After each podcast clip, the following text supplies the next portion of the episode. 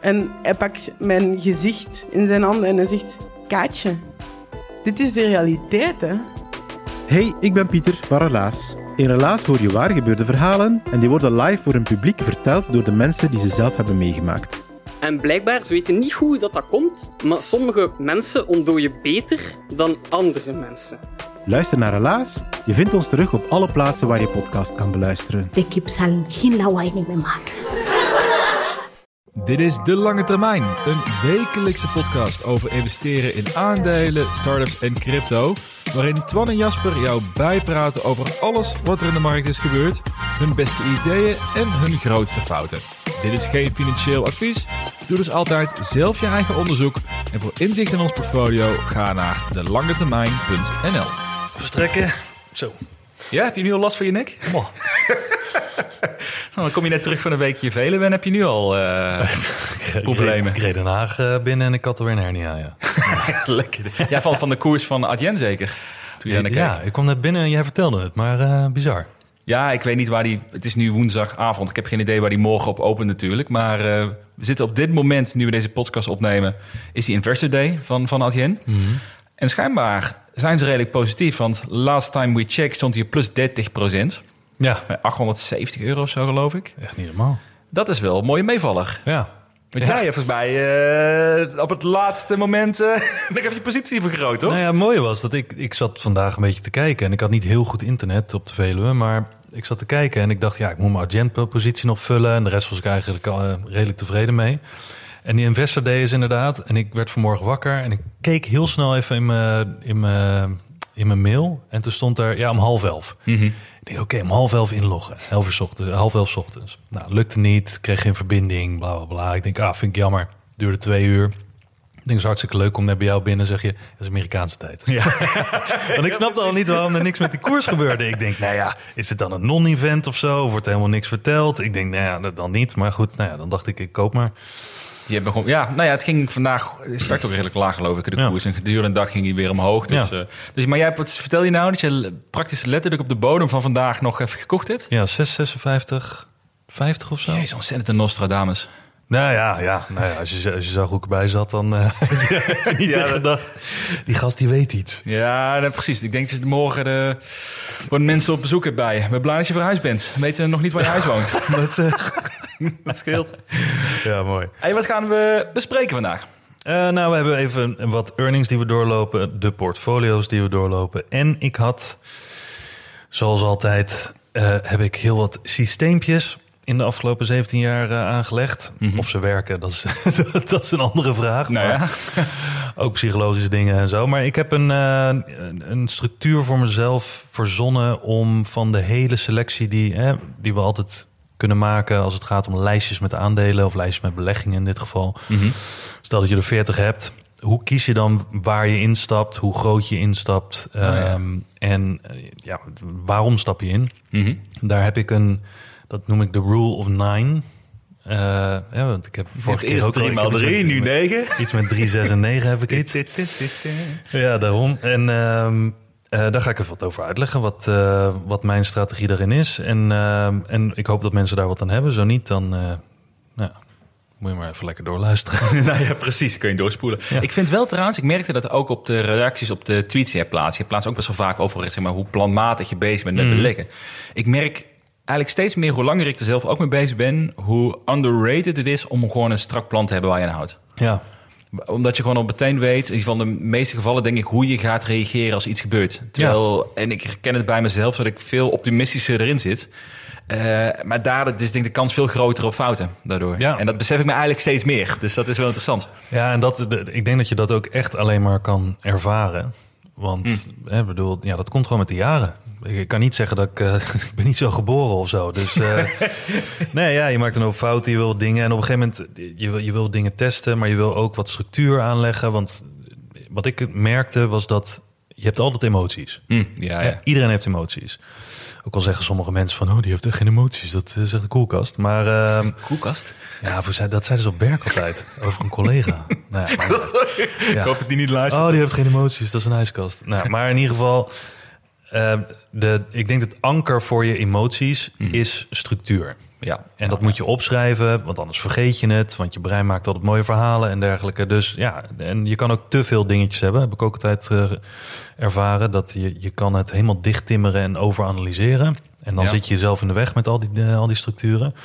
Maar ik heb wat dingen gevonden die voor mij werken. En ja, die hoef ik alleen nog maar een beetje aan te passen. Nou ja, ik denk dat dat wel goed is juist om dat te hebben. Ja, Ik merk, ik merk het zelf. Dat, eh, het is heel makkelijk om, ook al ben je ervan bewust, alsnog keuzes te maken op basis van emotie, op hype of wat dan ook. ja Dat- en hoef je echt niet zelf te verzinnen. Want ik heb het ook van iedereen gejat.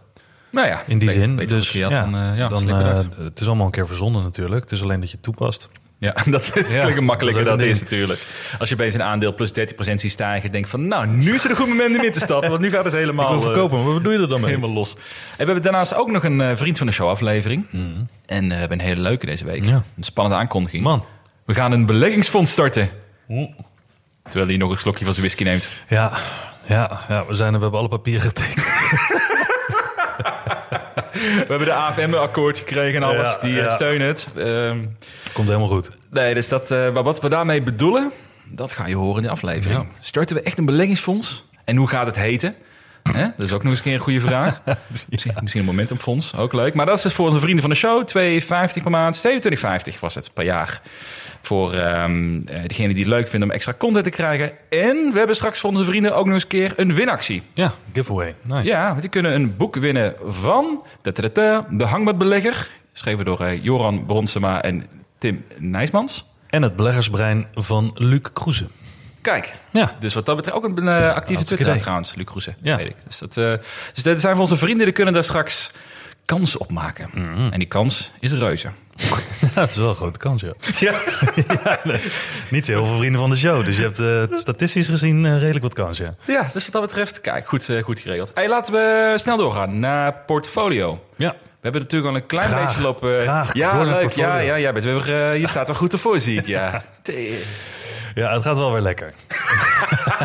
ja, hoe moet ik het dan wel zeggen? Ja, nou ja, je bent- ja, vertel maar. Nee, de, ja, ja, ik sta nu op, eh, wat is het, Eh, bijna plus 33 procent. Ik heb nog net niet eh, mijn all-time high aangetikt. Mhm. Want dat was een paar maanden geleden. Volgens mij stond toen op 34 procent, zoiets. Is dat je all-time high? Of dit jaar high? Ja, dit jaar high en dan ook mijn all-time high. Want uiteindelijk sta ik alweer boven de all-time high van 2021. Ah, ja. Qua rendement dan. Of eh, hè, aanwas. Mhm. Ik heb natuurlijk wel wat eh, bijgestort en dergelijke. Maar gewoon qua aanwas is het ja, bijna all-time. Ja. Dus, en ook ja, bijna all-time dit, dit jaar. Je had ook al een waanzinnig weekje trouwens. Ja, Want voor mij alle aandelen, in ieder geval Ja. de individuele aandelen die je bezit, ging volgens mij allemaal plus 20, plus 15, plus 30 procent of zo. ja het. Shopify, Blok, ehm, Spot, eh, Spotify, dat heet ook goed. Ja, ja, zeker. Dus, en Adyen, ja, dat was de enige. Maar dat- die heeft geen earnings natuurlijk in de komende tijd. Ja. Dat, is pas weer over een tijdje. Dus eh, dat was een welkom nieuws. Of Dus ik weet niet eens wat het nieuws is. Ze hebben gewoon Investor Day gehad. Die Ah, oh, superleuk. het, het viel mee, schijnbaar de resultaten. Of eh, positief, hoe Ja. je het noemen. Zou dat dan, zou Adyen nou het laatste tikje geven dadelijk, om jou naar die 34 plus te krijgen? 34% plus? Eh, ja, als de rest allemaal... Ik heb nog niet gekeken vandaag. Eh, als de rest allemaal gewoon eh, in ieder geval blijft liggen, bij wijze van spreken, Mhm. ten opzichte van gisteren, dan zou het een all-time high aantikken, denk ik. Ja, Ik zag al heel vrolijk de laatste tijd. ja hè? Huis zit erop, Veluwe ben je weg geweest. Het begint bijna niet te worden, maar je komt net binnenlopen. zeg, zeg, waar kom je vandaan? Ja, Veluwe. Zeg, ah ja, het zal wel, het wel. Nee, hij zit gewoon weer op de Veluwe, hoor, die man. Was ook een mooie trouwens. Ik, ik was terug naar huis aan het haasten. Want Dat is natuurlijk, wat is het, anderhalf uur rijden. En ik had een afspraak eh, om vier uur met mijn vriendin eh, bij de verloskundige. Mhm. En ik ze hebben altijd gezegd, ik wil niet zo'n vent zijn die te laat is of die er niet bij is of wat dan ook. het was gewoon een controleafspraak, dus geen echo of zo. Maar, eh, en ik had ruim daarvoor de tijd genomen. Tweeënhalf uur de tijd, het anderhalf uur rijden is. Mhm. En wat gebeurt er? Ik rijd Den Haag binnen. Of tenminste, nog voordat Den Haag binnenreed, eh er was er dikke file. Want er was een ongeluk gebeurd bij Gouda of zo in de buurt. Ja. Eh, Iets van drie kwartier ingestaan. Ik zei tegen mijn vriendin, ik ga het net niet halen. Er zat een half uurtje dat, die afspraak. Ik kom om vijf voor half vijf, parkeer ik mijn auto. Ik ren naar binnen, stap die eh, eh, sp- spreekkamer binnen, hoe noem je dat? En ik zie twee andere mensen zitten. nee joh. Zo, gefeliciteerd. Dus die verloskundige die zei, ja, je vriendin is net weg. Oké, top, bedankt. ik liep weer naar buiten in de regen. Ik denk, oh, ik ben nu ook zo'n vent. Je hebt, je, hebt ook, heb je ook geen telefoontje gekregen als het al weg was of wat dan ook? Je, eh, Nee, niet dat ze al weg was. Nee, Nee, maar wel nee, dat... eh, ja, ik, ik kreeg wel wat appjes, maar daar kon ik niet uit opmaken dat ze al weg was. Dus, maar ze was net, klootzak, waar ben ze je? ze was net de deur je hebt geen idee wat ze bedoelt. Maar ik klootzak. Nee, joh. Nee, joh, ik ga, voor je, ik ga, voor je, ga bij je weg. Ik denk, oh ja, waar ga je heen dan? Ja, waar- ga je nu naartoe? Ik, ja, ik kom straks om half één weer terug. Dus. Nee, ja, dus dat. Maar eh, nee, lekker eh, portfolio rendement, bijna 33%. En inderdaad, vanmorgen Adyen bijgekocht. Ja, lekker. Want die positie moest ik nog vullen. Het was niet omdat ik een kans zag of zo. Het was gewoon meer, hè, de, de, de koers is eh, flink gedaald Mhm. in de afgelopen tijd. En ik moest nog eh, mijn positie bijvullen. Dus eh, dat heb ik gedaan. Lekkere timing. Nou ja, kan erger. Ja. Dat is het enige aandeel wat we allebei hebben, toch? Zeker te denken. Ja, we hadden eerst allebei Coinbase. Ja, die hebben toen Allebei allebei. Ja. Ja, Bitcoin heb ik ook niet meer. Ik had het drie dagen volgehouden en toen vond ik het saai worden. Oh ja, heb je die niet meer? Helemaal niet meer. Nee, ik heb hem. Nee. Oh, je bent nu een Ethereum boy geworden. Ja, nou, ik had sowieso geloof ik al veel meer in die, vanuit crypto stuk veel meer in Ethereum stuk al sinds ik ooit met crypto begon. Ja. Vroeger, hè, vroeger. Drie jaar geleden. Maar eh, nee, ik heb twee dagen. Ik dacht, ik word een verstandige jongen, koop ook gewoon een plukje Bitcoin, want dan hè, ben je ook gewoon even net als. als Dat je- voelt dan als verstandig? Voelt verstandig. Denk ik, je, als ik zo QQQ kopen, voelt verstandig. Hè, doe gewoon een plukje bitcoin. hè, Voor de, zeker, voor de zekerheid. Voor de zekerheid. Maar eh, nee, dat, dat, dat was toch de, ik voelde me toch de boomer. Ik vind het echt mooi, hoor, dat Bitcoin voelt als een verstandige keuze. ja, maar het is gewoon, heel veel mensen zeggen, wat is dit nou weer voor vaporware? Ja, dat is wel Niks waar. gedekt. Ja, nee, dat, is- dat is waar. Dat is Ja, verstandig. Ik ben is misschien volwassen. Volwassen geworden. Alles in bitcoin. En hoe is het Ja, bij maar- jou? Nou, ik moet zeggen, qua, qua, ja, goed, qua koers gaat het nog niet zo fantastisch. Ik bedoel, ik sta op min 27,6 procent. Dus hè, ik heb er wel eens periodes beter voor gestaan, nog steeds. Ah, ja, oké. Maar mijn optimisme is wel weer terug, zoals je merkt. Ja, Ja, hoe kan, hoe kan dat? nou, nou, ik zat dus, dat vind ik dus wel relaxed. Ik had dus de afgelopen weken ben ik met veel met de portfolio bezig geweest. Ook in deze aflevering vaak over gehad. En ik heb nu eindelijk het beetje het gevoel alsof het helemaal zen is. Voor een weekje. Nee, nou ja, kan- ja, Ja, ja, misschien wel. Nee, maar ik heb, ik, alle posities die ik heb, wil ik hebben. Ja. Ik heb bij geen enkel het gevoel dat ik wil verkopen. Of dat ik ze inruilen voor iets anders. Of dat ik een nieuw aandeel heb die ik morgen heel graag zou willen kopen. Ik ben er helemaal tevreden ermee.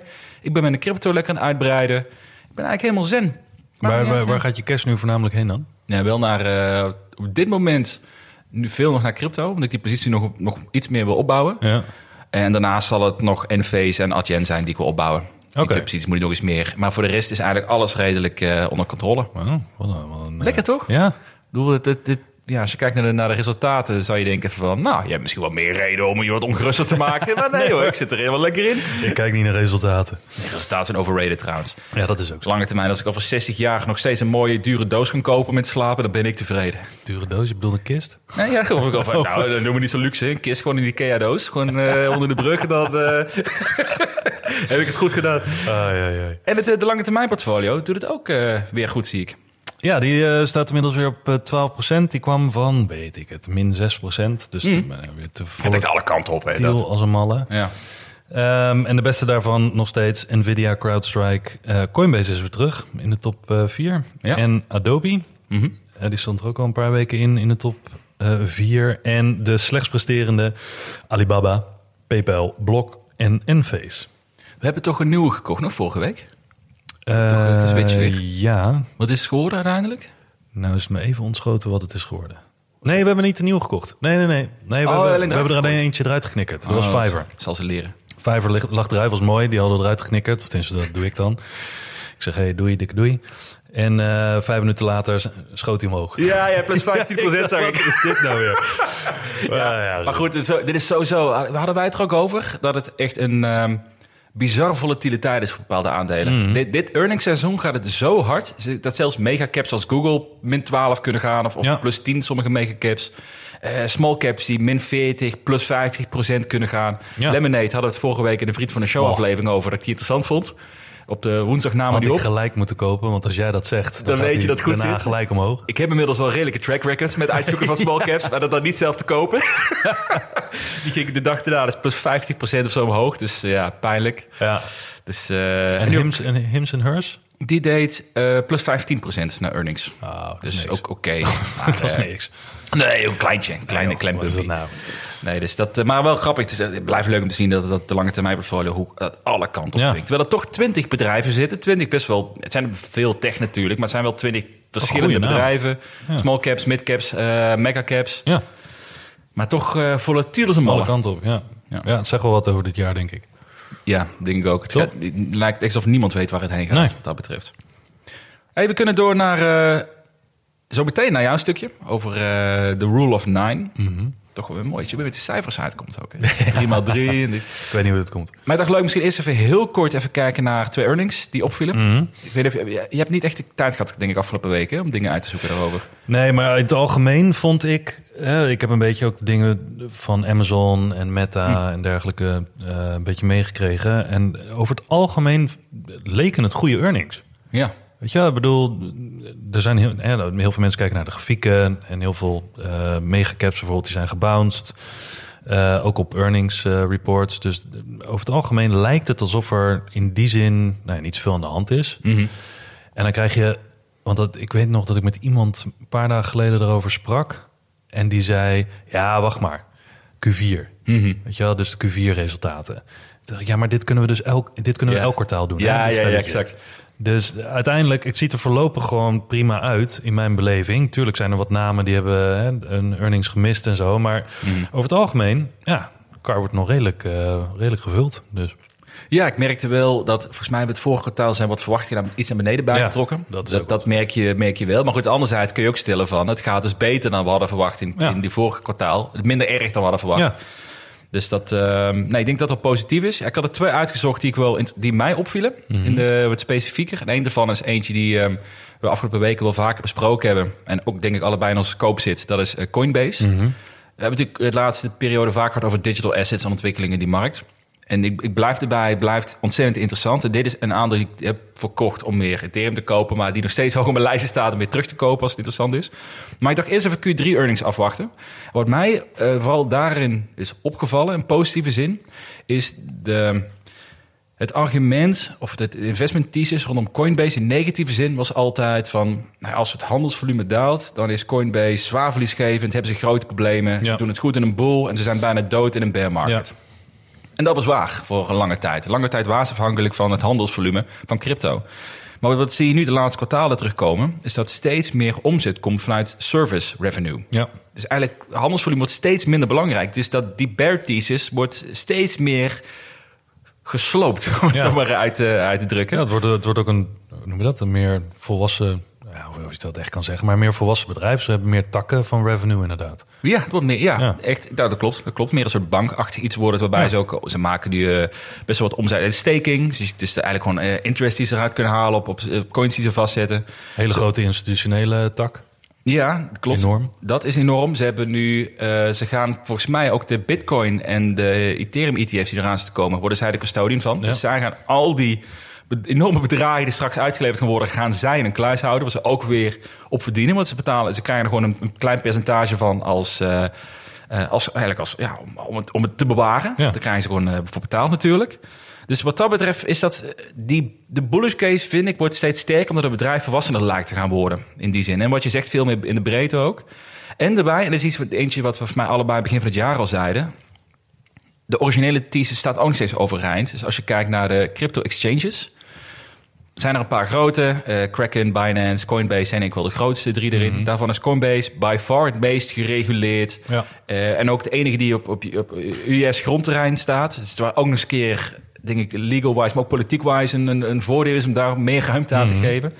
Ik blijf erbij dat als die regulering scherp wordt, en het wordt die, nou, dan gaat Coinbase daar natuurlijk ontzettend van profiteren. Dat denk ik ook. En dat zeggen we al een jaar. Ja. Dus wat dat betreft, eh, Alleen regulatie duurt altijd enorm lang. Hè? ja, ja. als dat je thesis is, dan moet je heel veel geduld hebben. Ja, dat klopt wel.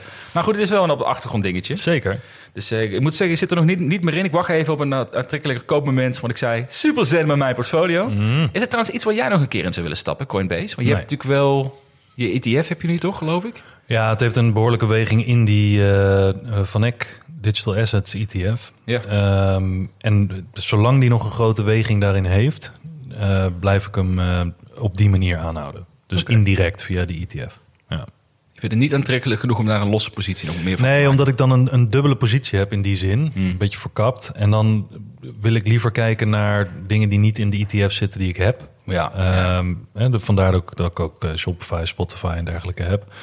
Dus eh, ik probeer daar zo weinig mogelijk overlap in te hebben. ja, met die ETF bed je natuurlijk zo op de ontwikkeling van die hele markt. Van die sector, ja. Exact. Ja, en ik weet zeker, het is, eh, zeg nooit zeker, maar met Coinbase zal ik waarschijnlijk als individuele positie meer upside hebben. Mhm.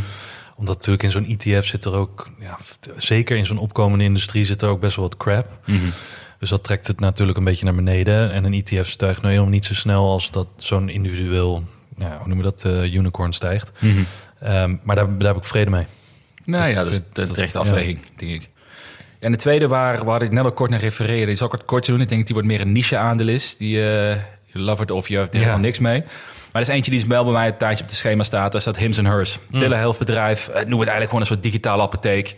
Eh, vooral natuurlijk in Amerika heel populair. Want de zorg is daar ontzettend duur en moeilijk. Dus dit, dit maakt het veel toegankelijker. En met name voor de jongere doelgroep, die zijn hier helemaal gek op. Want het, het maakt gewoon eh, sneller en makkelijker medisch advies en producten. Dus dat helpt. Wat mij vooral opviel eraan, en dat is waarom, waarom ik het eens in de gaten hou, maar nog geen positie nog niet in heb. Blijkt ook weer uit de kwartaalcijfers van afgelopen, afgelopen week. Van een omzet, 90% is recurring revenue. Wat echt belachelijk veel is voor een, eh, eigenlijk een consumentenbrand, zou ik, Ja. zou je het eigenlijk willen, willen zien ook. Met 75% bruto marges. Dat is gewoon software as a service bedrijf. Dit Dit is gewoon een Asana, zeg maar. Of, of een Monday, of, of- of wat, wat je het ook wil noemen. Maar het is bizar, maar de- de- ik ken het bedrijf niet heel goed. Of tenminste, bijna niet. Doen zij aan reselling van medicijnen van andere medicijnproducenten... of produceren ze ook hun eigen medicijnen? Volgens mij is dat wel een onderdeel. Nee, ze- voor mij is het reselling van. Ja, Volgens mij hebben- ik weet niet of ze zelf ook eigen producten hebben, maar ze halen het meer vanuit hun health services. oké. Die ze daar ook. eh, nee, volgens mij hebben ze zelf ook wel eigen, eigen Ja? producten die ze, die ze maken. Ah, joh. Maar dat is een hele groot vraagteken. Hmm. Maar goed, in ieder geval, dus, ze hebben dus een, het is eigenlijk gewoon een digitale. Die zijn een digitale apotheek, maar ze halen gewoon heel veel geld ook gewoon uit hun health services. Dus dat Ja. je ook kan inbellen, dat je medisch advies krijgt, dat je check-ups krijgt, dat soort zaken allemaal. En dat, nou, het verbaast me, als je die marges kijkt, verbaast mij dat echt. Want ik ken weinig. ah, Ik ken normaal gesproken alleen maar softwarebedrijven die dit soort Ja. percentages laten zien. En Hims Hers als medisch bedrijf. En dat ver- verbaast me. Ehm, in die zin wel, zit wel een haak en oog aan. Dat is de reden waarom ik nog geen positie heb, is dat de groei wel iets af gaat nemen. Ze gaan de komende jaren waarschijnlijk 15 tot 20 procent per jaar groeien. Ze zijn nu gewaardeerd als een groeibedrijf, dus daar kan nog wel een soort multiples crush in komen. Ja. En om even een normaal woord te gebruiken, er kan eh, minder duur worden.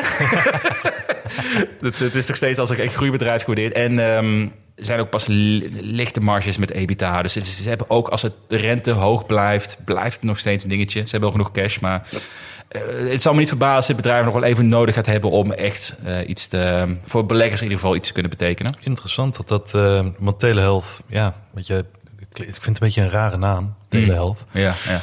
Maar als je gewoon eh, dat digital health eh, noemt, van, eh, waar natuurlijk ook Apple eh, eh, groot in wil worden, met heel veel eh, data daarin, eh, Ja. omdat we het allemaal dragen. Hartslagmeter, weet ik veel wat allemaal. Ja, dat, dat wordt wel, en zeker waar je het de vorige keer over had, dat wordt wel voor de jongere generatie natuurlijk de toekomst. Want inbellen, eh, iemand bezoeken, dat soort dingen, dat wil je echt.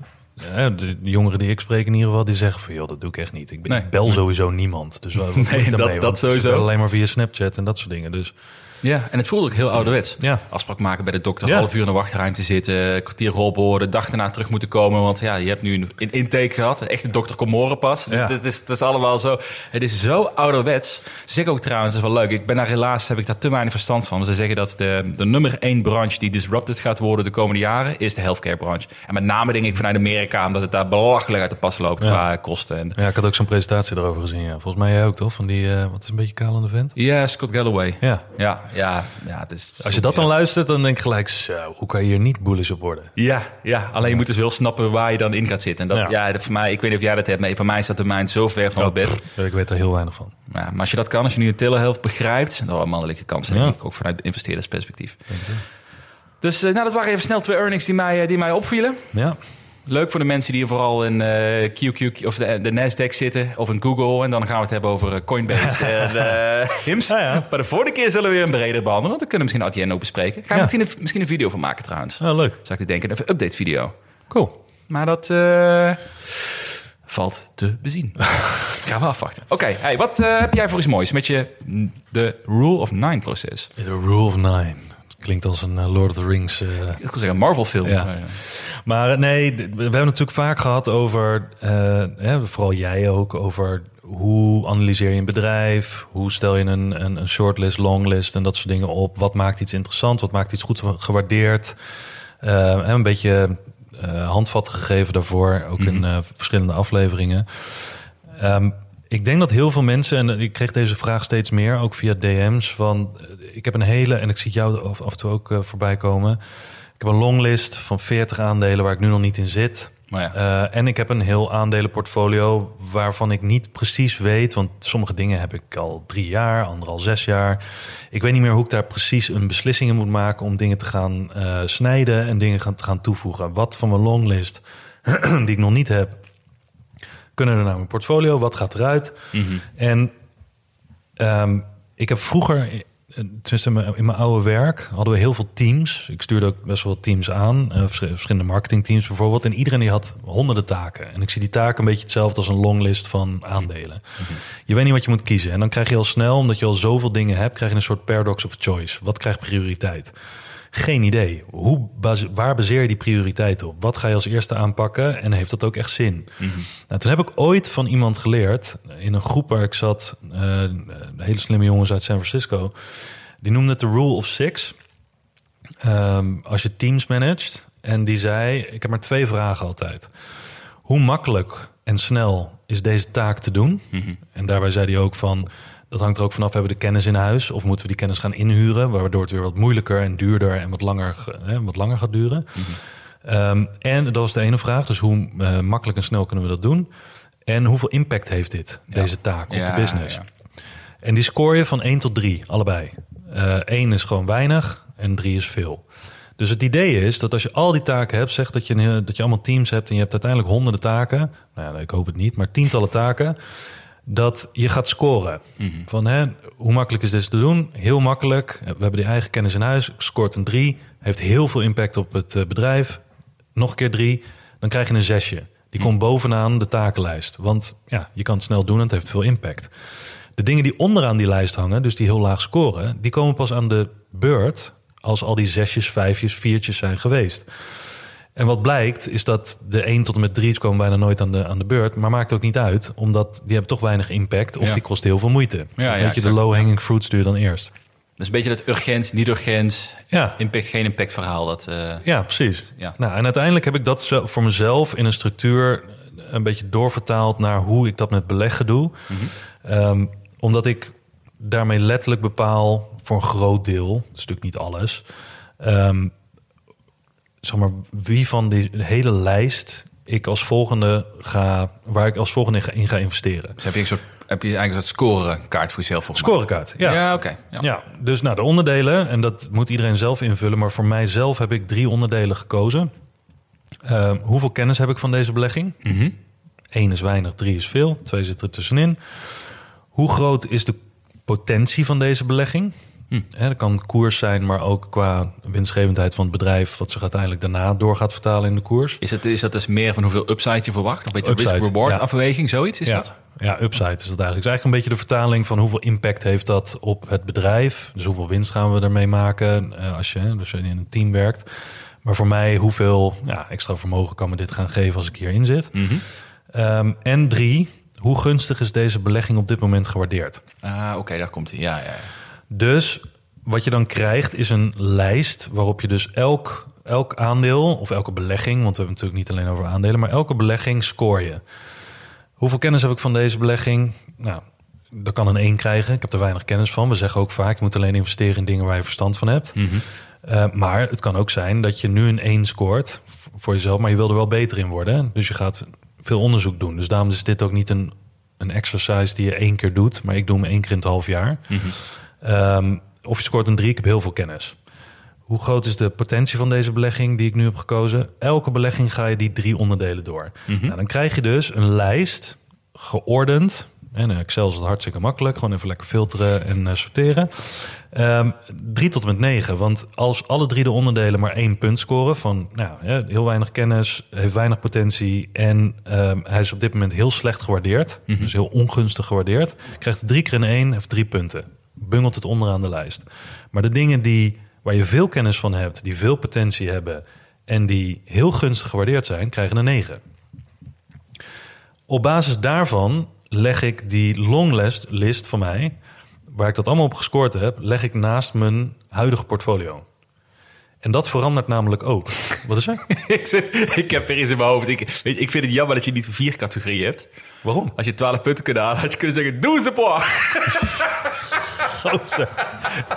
Sorry, die zit Hey, joh, dan voeg jij er toch lekker Oh. nog eentje toe? Sorry, die zit al minuut in mijn hoofd. Ik zag je ook al de hele tijd lachen. Ik denk, wat is dit voor raar verhaal? sorry, sorry, sorry. Eh, nee, maakt niet uit. Maar, eh, nou, dus je krijgt dus een geordende lijst, zowel van je longlist, dus van je watchlist bijvoorbeeld, als van je eigen portfolio. Want dat moet je ook, vind ik, steeds onder de loep leggen. Want sommige beleggingen krijg je ook steeds meer kennis van, naarmate je ze volgt, hè, de earnings reports kijkt en dat soort dingen. Ehm, en vervolgens krijg je dus een, een lijstje waarmee de. Het is heel weinig vaak dat ik een negentje heb. Want ik ben altijd voorzichtig met mezelf scoren op kennis, bijvoorbeeld. Ja. Ik ben ook voorzichtig met scoren hoeveel potentie is dit. Want ik wil niet zo'n moonboy lijken voor mezelf. Dat lijkt me het moeilijkste misschien nog wel. Ja, Om- maar- Ja. Ehm, dus dat kan je met beleggingen doen. Je kan het overigens ook met sectoren doen. Want we hebben het natuurlijk vaak over welke sector of welke technologie bijvoorbeeld, of welk domein eh, gaat er in de komende tien jaar heel veel eh, potentie realiseren, denken we. Dat is natuurlijk altijd een beetje koffiedik kijken, maar AI bijvoorbeeld. Ehm, kan je ook een eh, sectoranalyse op doen. Als je tien sectoren hebt waaruit je moet kiezen, ja. kun je ook zeggen hoeveel kennis heb ik van deze sector? Mhm. Ehm, hoeveel koerspotentie heeft deze sector? Hoeveel total addressable market heeft Hoe het? groeit die? Ja, ja. En hoe gunstig is deze sector nu qua waardering? Is het allemaal overhyped en zijn al die aandelen die er nu in zitten... of al die beleggingen, zijn die allemaal al nou ja, drie, vier, vijf keer gegaan? Mhm. Ehm, dat kan je dus ook met een sector doen. Ik heb een vraag trouwens, kan Ja. dat? Eh, wat ik, eh, even op inhakend. Eh, je tweede punt geef je aan van dat je wil bepalen hoe groot de koerspotentie is van een belegging. Derde punt geef je aan van hoe aantrekkelijk is het gewaardeerd. Ja. Dat, ik kan me voorstellen dat het best wel vaak ook tegen elkaar aan ligt. Want de, de koerspotentie, in die zin, er is eigenlijk al veel rendement op maken. Is ook weer verbonden aan de, hoe, je het, hoe aantrekkelijk je het gewaardeerd vindt. Ja, voor, voor bijvoorbeeld aandelen, individuele aandelen, kan je dat makkelijker analyseren. Dat zit dan dicht bij elkaar, denk Mhm. ik. Ja. Soms ook niet. Ehm, want soms zit het in een sector die bijvoorbeeld nog geen sprongen heeft gemaakt. Maar is, is dat de car trekker, bij, bij wijze van spreken? En is het wel een dure car trekker, maar is, heeft de sector nog geen enorme boost gekregen? Ehm, maar bijvoorbeeld bij crypto of eh, eh, commodities bijvoorbeeld, dat soort dingen dat is vaak wat lastiger eh, om dat gelijk te trekken. Omdat het kan zomaar zijn dat de hele commodity sector op zijn gat ligt. Omdat de economie op zijn gat ligt, bij wijze van spreken. Maar dat de potentie, nou voorlopig ook nog... En dan, dan zou je kunnen denken van, oh nee, dan ga ik in investeren, want dat is lekker contrair. Dus heel, heel gunstig gewaardeerd. Ehm, maar dat de potentie gewoon heel laag is, omdat nou ja, we de komende vijf jaar, bij wijze van spreken, eh, een recessie te, tegemoet gaan.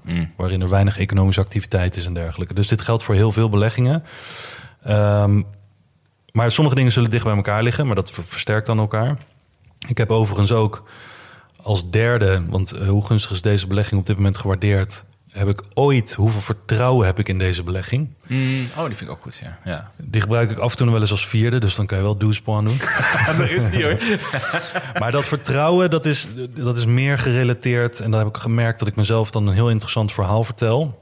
Eh, omdat het toch ook wel...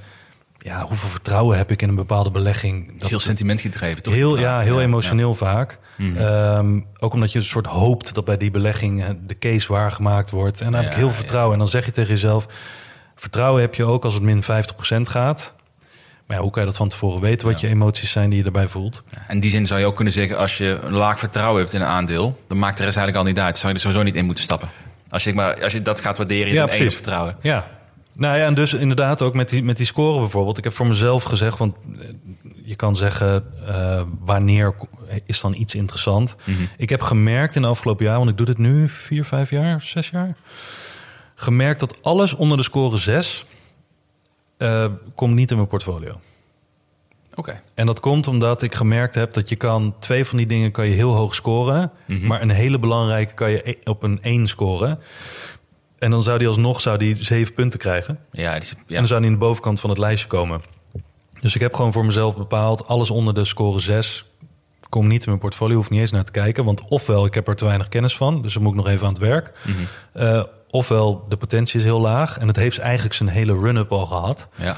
Ehm, en het is, of het is gewoon heel ongunstig gewaardeerd. En weet je nog aandelen die een 6 of minder heb gegeven, die daarna helemaal op plof zijn? Nee.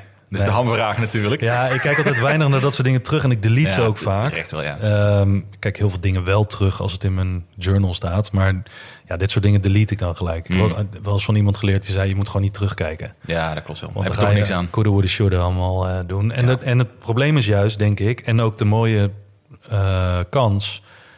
er liggen zoveel dingen voor het oprapen in Mm. die zin. Kost natuurlijk enorm veel werk. Maar je hebt meer keuze dan ooit. Ja, klopt. Eh, alleen, hoe ga je die keuze limiteren? En op basis van wat ga je dat limiteren? Want anders blijf je maar gewoon nou ja, maar wat aanklooien. Mhm. En dan heb je het gevoel dat je continu weer het andere mist. Als op het moment dat je in A bent gestapt, dat B nog interessanter is. Nou ja, als je weet dat dat, als je even kijkt van, nou, B, oh, die had ik interessant gevonden. Ah nee, wacht. Ja, nee, dat is korte 4. Mhm. Die heb ik toen geanalyseerd, scorte 4. Nou, kan ik een keertje opnieuw naar kijken, maar... Ik kan me wel voorstellen wat je ook zegt, dat er zoveel keuze is in de markt. Dat als je, zelfs als je eh, heel kritisch bent, zegt nou een, eh, een 7 of lager wil ik niet, ik wil alleen maar een 8 of 9 wil ik pakken. Ja. Zolang je maar lang genoeg, het is een numbers game, hè, zolang je maar lang genoeg je analyses doet ook, dan kom je er wel vijf tegen die je heel graag zou willen hebben. Ja. Ook al moet je dan misschien door duizenden aandelen Ja. lopen. Moet je heel veel weekendjes velen beplannen waarschijnlijk. Maar, eh, maar het, het kan wel, denk ik. Nee, dat kan wel. En ik denk dat het interessante hieraan is voor mij... en dat is iets wat ik vroeger te weinig deed... eh, is dat ik ook hiermee gedwongen mijn eigen portfolio continu onder de loep leg. Want het kan heel goed zijn dat eh, ik heel veel kennis van een bepaalde belegging had en heb... maar dat de hele case is veranderd. Ja. Dat de afgelopen tien jaar dat heel interessant was. Maar wat toen werkte... En daar houden veel mensen en ik ook aan vast. Ja, weet je, dat heeft heel erg eh, een boom gehad.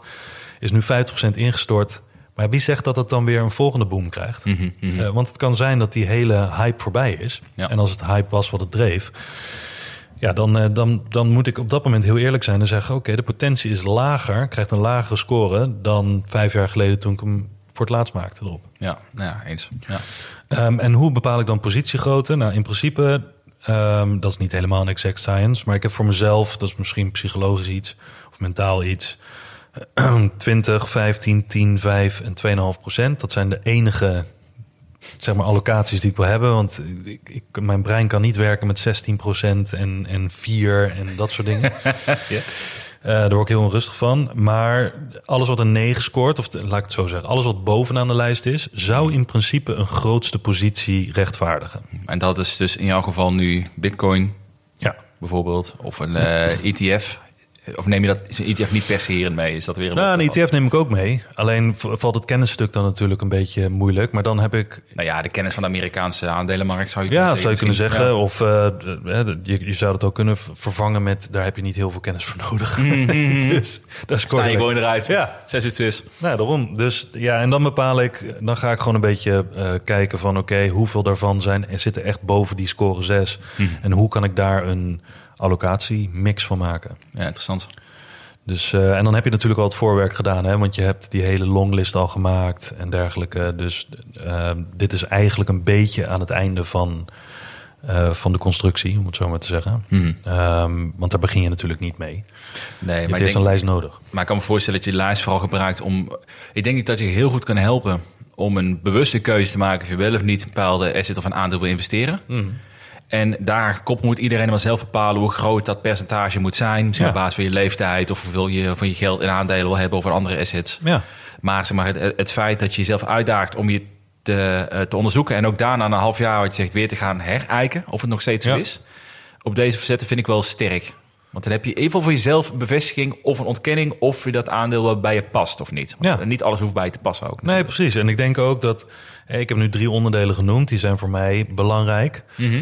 Ehm, met dat vertrouwensstukje misschien als vierde erbij. Of misschien dat je die wil wisselen. Maar het gaat er niet zozeer om dat mensen zeggen van... Ah, nou, hoezo telt kennis mee? Of hoezo telt eh, de koerspotentie mee? Of hè, nummer twee en drie zijn eigenlijk hetzelfde voor mij. Dan combineer je ze lekker. Het gaat er meer om dat het, een ja, dat het kan inspireren... om zoiets samen te stellen op basis van een structuur. En als jij drie andere vragen hebt die je belangrijk vindt aan jezelf... over een belegging, dan doe je dat.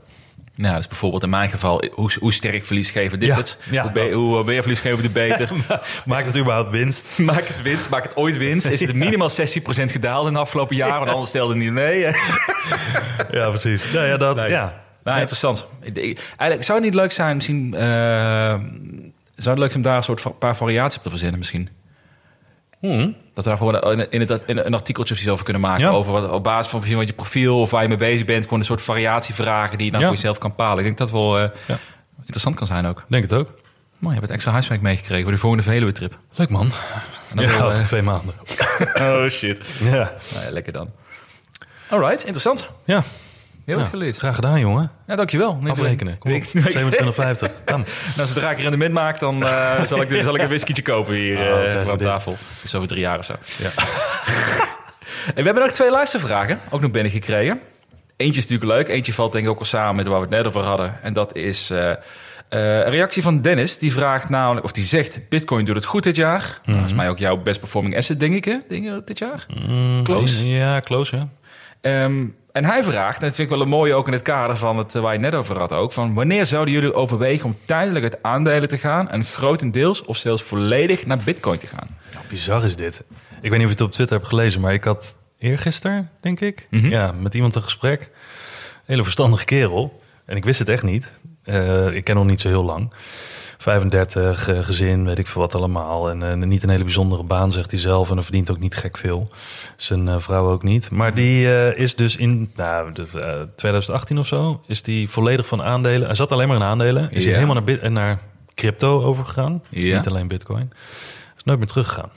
Maar waarom dan? Nooit meer terug naar aandelen. Wat was voor hem de reden? Ten eerste om de reden om dat te doen. Ten tweede om daar nu volledig in te blijven. Dan? Ja, het, het- aandelen, het deed hem niks meer. Ja, ja. Ik weet niet of dat een goede reden is, maar het deed hem niks meer. Het maakte hem niet enthousiast. Hij kreeg van crypto... Hè, de- ik, weet niet waar hij precies in zat met discords en dat soort dingen. En hij heeft het uiteindelijk niet slecht gedaan. Dus het was ook niet zo'n hopeloze actie. Mhm.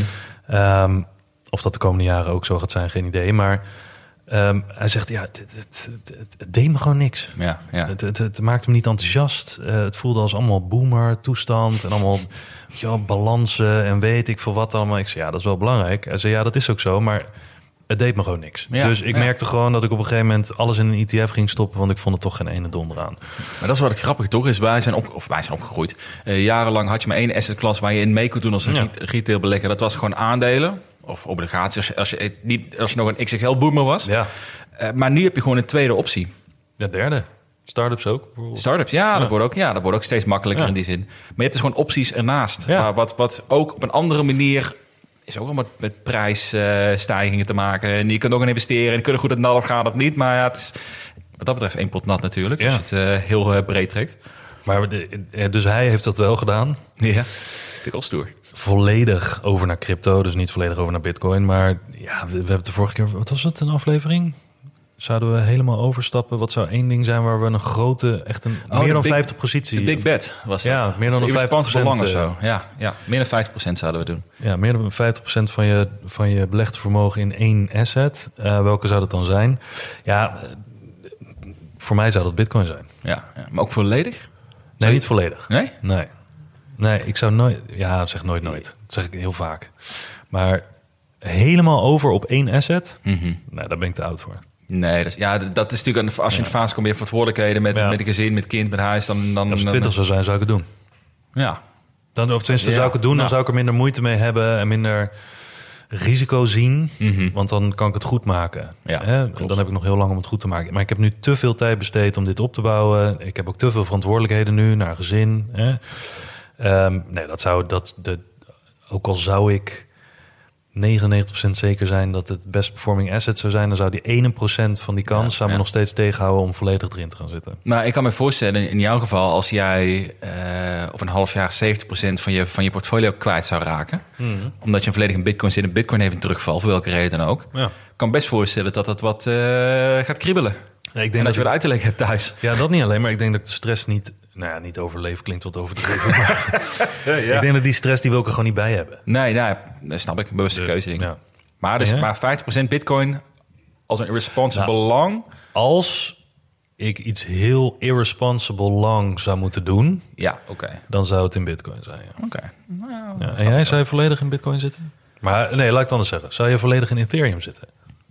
Want Bitcoin is een makkelijk antwoord, want dat zou je niet doen. nee, Bitcoin zou ik niet nou. Nee, dat, dat, dat ga ik niet doen. Helaas. Wat is het, 2008 of zo? nee, eh, nou, ik zat er dus de laatste op. Kijk, in praktische zin niet. En het komt mede ook omdat ik ook gewoon denk dat eh, een combinatie van, van aandelen en crypto gewoon een prima verhouding met elkaar is. En dat kan elkaar versterken. Mijn aandelen zijn ook risicovol genoeg. Die hebben genoeg beta om eh, goed te kunnen knallen ook als het, als het nodig is. Dus daar heb ik het niet voor nodig. Ik denk wel dat ik zou het wel durven om volledig naar crypto te gaan. Ik zou niet, ja, het zou waarschijnlijk Ethereum zijn. Maar dan wel met het idee van... eh, dat is wel echt een hele big bet die je doet. En ik heb gelukkig een andere situatie dan jij. Hè? Ik ben gewoon voor mezelf verantwoordelijk in een huurhuis. Dus ik kan het wel overleven. Maar ik... En ik zou het ook op mijn touw aan kunnen, denk ik. Maar ik, ik denk niet dat ik dat heel, mezelf heel verstandig in de spiegel zou kunnen aankijken. Omdat dan heb ik een andere vraag. Ja. Even snel. Het is een soort dinsdag dilemma. Nooit meer in aandelen of nooit meer in crypto? Voor, je, voor, voor, voor een bepaalde periode of voor de rest van je leven? Eh, voor de rest van je leven. Dan zou ik zeggen nooit meer in crypto. Ja. En het, en het komt zelf toelichten waarom. Ik denk, want ik denk namelijk, de, ehm, had ik voor deze aflevering had ik het ook Twitter over. Ik denk dat de volgende bull market van crypto zou wel eens de laatste kunnen zijn waar het echt heel hard kan gaan. Want dit is nog net de fase voordat institutionele beleggers met een massa geld erin komen. Dus dat, eh wat de Bitcoin ETF start en dat soort zaken. En ik, ik kan mij voorstellen, over drie, vier jaar is dit gewoon een asset class, wordt gewoon geregeerd wordt door de BlackRocks en dat soort zaken. Maar waarom zou je er dan over 20 jaar niet meer in willen zitten? Nou, omdat ik dus denk, omdat het eh, die zin het, het steeds meer eh, modaal wordt. Dus ik denk dat uiteindelijk, als we 10 jaar, 15, 20 jaar verder misschien zijn... en het, is nog, het staat er nog steeds... dat een bitcoin en ethereum veel meer de trekjes zullen krijgen van een, eh, een Nasdaq-ETF. Dat gewoon 10% per jaar stijgt 12% dat is prima. Maar dan heb ik liever de keuze om ook gewoon in mijn small caps te zitten... innovatieve Ja, bedrijven, om daarin te halen.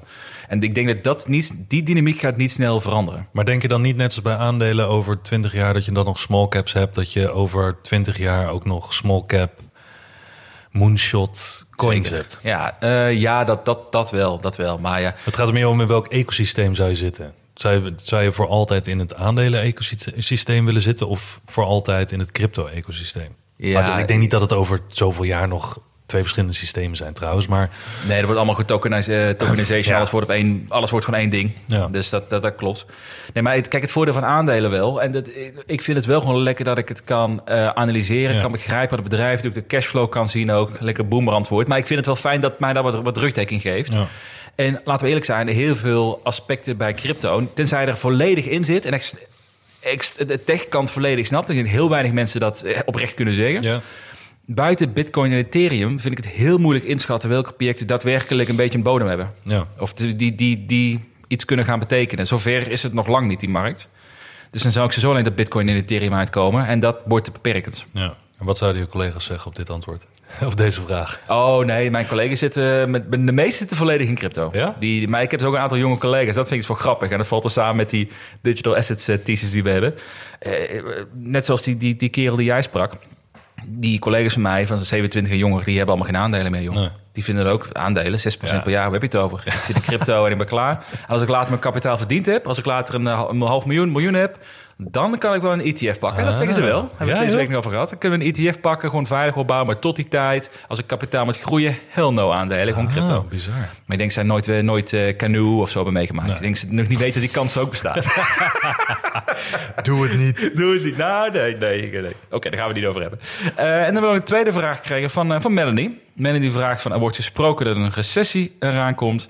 Is het logisch om hier je portfolio op aan te gaan passen? Ja, als je denkt dat je dat kan, dan moet je dat doen. Ja, ja maar, oké, maar dit, vind ik leuk. Want onze eerste reactie zal waarschijnlijk zijn...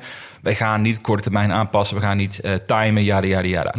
Maar ik kan me best wel voorstellen dat je eh, wel zegt... oké, het wordt een spannendere tijd. Er is heel veel onduidelijkheid. Dat het niet erg is om bijvoorbeeld te zeggen... zeker als je zelf spannend vindt worden... zeg ik ga eens terugschroeven. Ik ga iets meer, in jouw geval misschien iets meer naar goud... of ik ga iets meer naar een, een world ETF... in plaats van met tech-aandelen zitten... of minder small caps. Gewoon even totdat een beetje die, die boel is overgewaaid. Ja, maar wanneer is de boel overgewaaid? Wat is het signaal dat het over is gewaaid? Ja, dat, dat, dat, is- dat is lastig. ik denk, dat is ja, maar ik denk dat dat de, alle, de, de hamvraag is, omdat niemand weet wanneer dat is. Je, Ja. kan, je ziet het alleen achteraf. Dus Ja. eh, heel veel mensen. Hè? Dus er zijn ook mensen die zien het aankomen en dergelijke. Maar dat zijn jij en ik niet. En ook de meeste mensen die ik ken, die zijn dat niet. Of iedereen die ik ken. Ja. Ehm, maar ik zeg altijd... Als er een recessie aankomt of je zit erin... maar het voelt nog niet zo erg... Eh, hè, want je vrienden zijn nog niet ontslagen, weet ik veel wat... ehm, is het logisch om hier je portfolio op aan te passen? Ik denk dat het logisch is om, als je voorzichtig wil worden... Mhm. en je voelt dat dat eraan komt... zou ik allereerst zorgen dat je je inkomen veilig stelt. Oh ja. Want dat is je lifeline. Hè, want uiteindelijk gaat het erom dat je cashflow positief blijft. Eh, je kosten minder zijn dan eh, wat je binnenhaalt. En dat je baan eh, of je werk, hè, als je zelfstandig bent of wat dan ook... dat dat levensvatbaarheid heeft. Mm. Ook in een recessie. En dat Ja, je ja. genoeg knoppen hebt om aan te draaien... om bepaalde kosten terug te draaien... om nog eventjes een, een knopje aan te draaien... om nog een, een grote opdrachtgever binnen te halen of wat dan ook. Ik denk dat in, focus op inkomen, als je bang bent voor een recessie dat dat veel belangrijker is qua staying power dan allerlei tweaks aan je portfolio. Ja, dat vind ik sterker. Want ik denk dat er heel veel mensen weten hoe ze goed voor hun inkomen moeten zorgen, maar dat er veel minder mensen goed weten wat ze moeten doen om hun portfolio te hedgen, Nou, vind ik een goed punt. Ja. denk ik. Nou, misschien is dat een goed punt. Misschien is, ligt, dat, ligt daar veel meer kansen. Ja. En eh, dan heb je ook niet het gezeik, je moet gaan timen in je portfolio, wat toch niemand weet. Dus Nee, dat, eh, nee, ja, dan sta je vervolgens weer een half jaar aan de zijlijn en dan stap je eindelijk weer in en dan eh dondert het hele boel in elkaar. Ja, hebben we vaak genoeg meegemaakt Ja, ja. en zien gebeuren natuurlijk. Alright, we hebben het weer allemaal gehad voor deze week. We gaan praten over onze beleggingsfonds. Ja, leuk man. Dat, eh, hoe gaat het weer? De Canoe ETF of zo? de, de, de, Short Mr. Dawn ETF, we hadden het over. Nou goed, we gaan, daar gaan we het over hebben met onze vrienden. Die nog een prijsvraag erbij krijgen ook nog. Ehm dankjewel allemaal weer voor het luisteren. Vergeet de podcast ook geen score te geven. Kan nog steeds. Ja, Mooie vijf reviews sterren, vijf sterren, vijf Vijf sterren, vijf sterren. Vier, dat is een goede disclaimer trouwens. Vier sterren betekent niet dat hij goed is. Vier sterren is eigenlijk Vier sterren is echt gewoon slecht. Dat is wel waar, ja. En dat is Airbnb. Ehm dank je allemaal voor het luisteren. En Tot de volgende week.